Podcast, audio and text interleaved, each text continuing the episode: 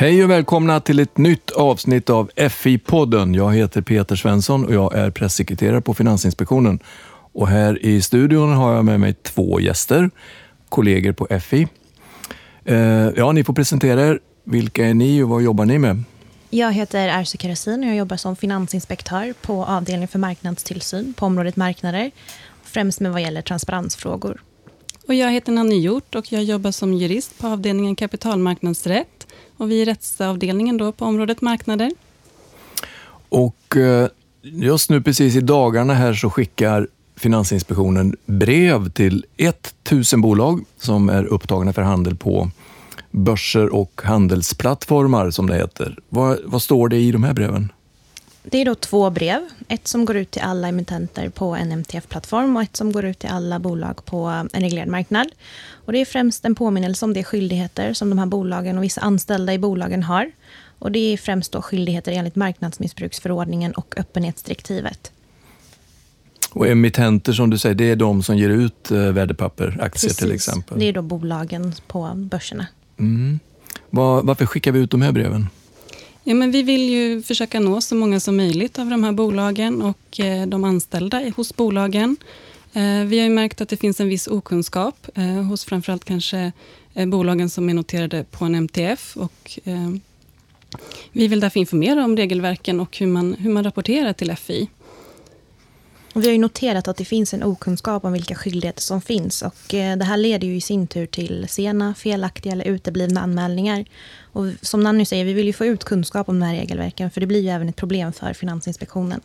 Och de här breven är ju inte, de är inte liksom allomfattande, men eh, pekar ändå på några av de viktigaste skyldigheterna som finns då, framförallt kanske enligt marknadsmissbruksförordningen, MAL. Ni, ni, pratar här om eh, MTF och handelsplattform och reglerad marknad. Kan, kan, vi bena ut det en gång för alla? En reglerad marknad, är det, är det börser alltså? Precis, det är två stycken börser då i Sverige som bedrivs av Nasdaq och NGM. Och det är då reglerade marknaderna. Sen så finns det tre stycken MTF-plattformar, de här multilaterala eh, plattformarna. Och det är då Spotlight Stock Market, för detta aktietorget, First North och Nordic MTF. First North är ju då Nasdaq och eh, Nordic MTF är, drivs av NGM. Mm, Okej, okay, då har vi det klart för oss här. Eh, vad är det för personer som får de här breven? Vilka är det vi vill nå med den här informationen? Det är då alla de här bolagen som är noterade på en MTF-plattform eller reglerad marknad. Och vi har gjort ett estimat och eh, det rör sig om över tusen bolag. Eh, och därtill så är det då de här personerna i ledande ställning som det heter i bolagen som vill nå ut. Och det är ju flera tiotusentals personer och även deras närstående. Och där är ju skillnaden också att det här nya regelverket träffar just de här bolagen som finns på en MTF också. Eh, och det kan ju ofta röra sig om kanske lite mindre bolag som inte har stora compliance-avdelningar och är vana att hantera sådana här regelverk. Så det, ni pratar om närstående till eh, insynspersoner, alltså det är familjemedlemmar. Det kan ju vara ett väldigt stort antal personer som i praktiken är berörda av det här? Det är ju då maka, make, sambo, barn, mm. eh, släkting om man har delat hushåll till exempel. Eller då närstående bolag. Så det kan ju röra sig om uppemot fyra till fem närstående per person i ledande ställning. Så det blir ju väldigt många som mm. drabbas. Och vi har ju mm. inget eh, register över de här personerna. Utan det är ju bara estimat som vi kan gå efter. Precis, bolagen är skyldiga att eh, hålla ett register över sina personer i ledande ställning. Och vi kan alltid begära in det i vår tillsyn. Men det är ingenting som vi har hos oss längre. Och de här förseningarna och felaktigheterna som ni pratar om, på, på vilket sätt är det ett problem? Eh, den här informationen då som anmäls till oss offentliggörs direkt på vår webbplats. Och den är väldigt betydelsefull för investerare och det är även vissa investeringsfonder som har det som strategi att följa de här transaktionsmönstren. Ehm, insynsregistret och flaggningsmeddelanden är några av de mest besökta på vår hemsida har vi märkt. Och det är ju främst då för att motverka informationsasymmetrier som vi behöver att den här informationen går ut i realtid nästan då ut till marknaden och att den kommer ut i rätt tid och på rätt sätt. Och här är det ju relativt korta tidsfrister som man har på sig. Det är tre affärsdagar från transaktionen. Så det är viktigt att man har koll på, på det innan man gör en transaktion och ute i god tid. Okej, så att när det blir för sent eller fel, det blir problem för alla på, på marknaden eh, förstås. Då. Men det kan ju ställa till trassel för den som gör fel också. Absolut, då kan man ju riskera att man får en sanktionsavgift från oss eh, på FI. Vad är det för eh, typ av anmälningar som ni har störst problem med? Det är då anmälningen till insynsregistret. Och de anmälningarna ska alltså göras inom, du sa tre? Tre affärsdagar enligt MAR. Och om man blir försenad så kan man få böter? Ja, en sanktionsavgift. Så kallar vi det. Och eh, kan ni ge något exempel på ett vanligt fel och vad det skulle kosta att göra ett sånt fel? Eh, det vanligaste för, vanligast förekommande felet är just eh, den anmälningsskyldige eh, som ska rapporteras då för varje transaktion. Och vi har noterat att eh, det är ju då i vanligt fall eh, den som utför transaktionen som ska anmäla transaktionen. Eh, så om det till exempel är ett holdingbolag eller ett så kallat närståendebolag som en person i ledande ställning har, så är det bolaget som ska eh, anmäla transaktionen. Men vi har noterat att det är personer i ledande ställning som anmäler sig själva som fysisk person för att ha utfört transaktionen. Och det blir ju fel. Och det här är någonting som vi tror lever kvar då från den gamla anmälningslagen, där personer i ledande ställning skulle anmäla alla sina egna transaktioner, mm. oavsett vem det var som hade genomfört. Och en vanlig eh, sanktionsavgift, man ska säga. Vi har ju våra sanktionsriktlinjer på hemsidan och det är FIs styrelse som har fattat dem. Eh, det kan ju vara till exempel en transaktion eh, mellan 250 000 och 500 000 och om den till exempel då är två handelsdagar eller affärsdagar sen så kan en fysisk person få 22 000 i avgift och en juridisk person 25 000 i avgift.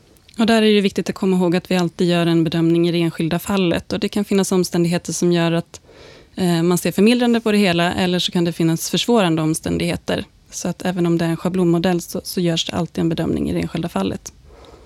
Och de här riktlinjerna de ligger ju på vår hemsida, eh, så det kan jag rekommendera. att Om man är person i ledande ställning och tänker att man ska göra en transaktion, eh, att man går in och läser dem. Där framgår ganska klart och tydligt vad det är som gäller. Men vad kan det då bero på att, att antalet sena och helt uteblivna anmälningar har ökat? Att det blir fler?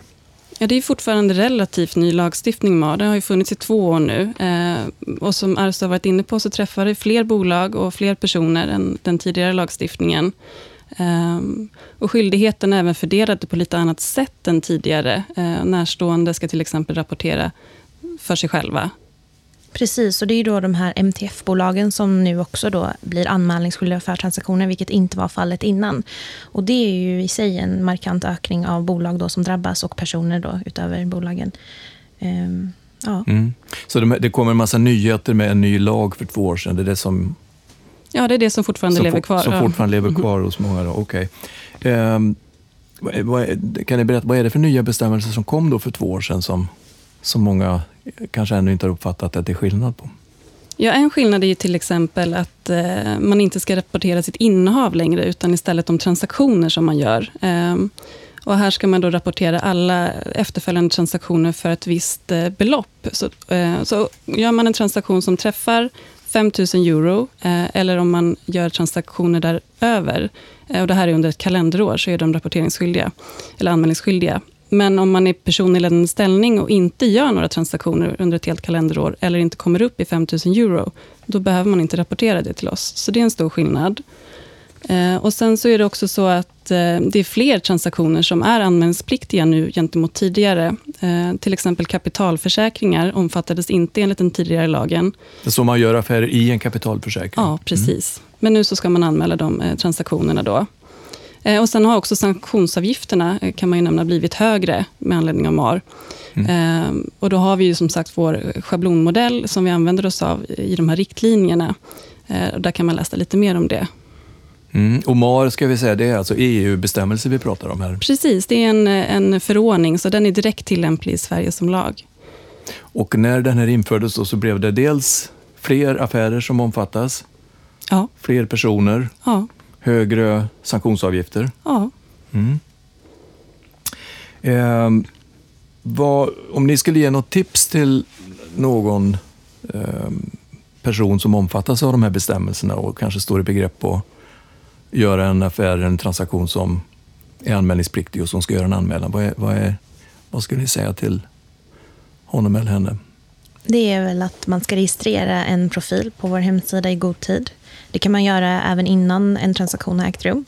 Och sen eh, ta reda på information om hur transaktionen ska anmälas. Eh, det kan gälla till exempel när anmälningsskyldigheten för en viss transaktion uppstår, vad som ska anses vara transaktionsdag. Eh, men också ja, vilka frågor som helst. Vi har ju två mejlkorgar hela tiden som vi bemannar. Så man kan inkomma med sina frågor i förtid och inte vänta till tredje sista dagen som en anmälan ska komma in. Mm, om man inte är ute i tid så kan man få en sanktionsavgift. Eh, Men eh, vad är det yttersta? var- Varför är det så, varför är det så viktigt att det här görs? Vad är, vad är den stora finessen med att man anmäler det här? Transparens på marknaden helt enkelt. Eh, den här informationen ska gå ut till marknaden så fort vi får in den. Eh, det ska ju ske direkt och det publiceras ju direkt så fort vi får in den. Eh, så det är ju som vi var inne på lite grann innan att det gäller ju då att ha transparens på marknaden så att ingen har ett informationsövertag. Så en anmälan som någon gör publiceras i princip omedelbart på, i det här insynsregistret. Precis, och det är också en stor skillnad mot tidigare då man anmälde på blankett och så var det vi eh, på Finansinspektionen som la ut det här eh, på- på nätet. Då hade vi ju möjlighet att kontakta personen om vi såg att det var någonting som såg lite konstigt ut. Så är det inte längre. Det är en stor skillnad där. Mm. Men vad händer mer med de här uppgifterna? De hanteras inte på något annat sätt eller är det bara det att de, de läggs ut omedelbart? Vad gör ni mer med den informationen?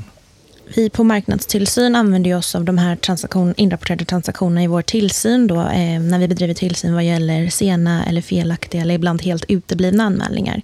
Och då eh, initierar vi ett ärende ifall det finns skäl att göra det. Och senare lämnar vi över vårt ärende då till Nanny till exempel på rättsavdelningen. Ja, och så gör vi en sanktionsprövning helt enkelt. Eh, och den är ju då eh, helt fristående från eh, tillsynsundersökningen som sker hos marknadstillsyn. Eh, och eventuellt så fattar vi då ett sanktionsbeslut. Det kan också vara ett avskrivningsbeslut ifall vi finner att det inte har skett någon överträdelse. Mm. Du, finns det någon anledning för FI att vara självkritisk i, i det här? Skulle vi kunna informera ännu bättre och vara tydligare eller förenkla det här systemet på något vis? Att själva rapporteringen ser ut som den gör, det följer av eh, MAR, eh, att den ska göra det. Den ska vara elektronisk och det ska vara de här fälten som man ska fylla i. Så just den delen kan vi tyvärr inte påverka så mycket. Vi på marknadstillsyn har ju precis också uppdaterat eh, våra hemsidor vad gäller de här frågorna som vi får in väldigt många av. Och det är ju främst då de här hemsidorna som är för investerarnoterade bolag. Vi har ju lagt upp eh, frågor och svar eh, på de sidorna bland annat för att man ska kunna få hjälp i god tid då med sina, om man har några inrapporteringsfrågor eh, vad gäller insynsrapporteringar till exempel. Vi skickar ut det här brevet då som Peter, du har nämnt.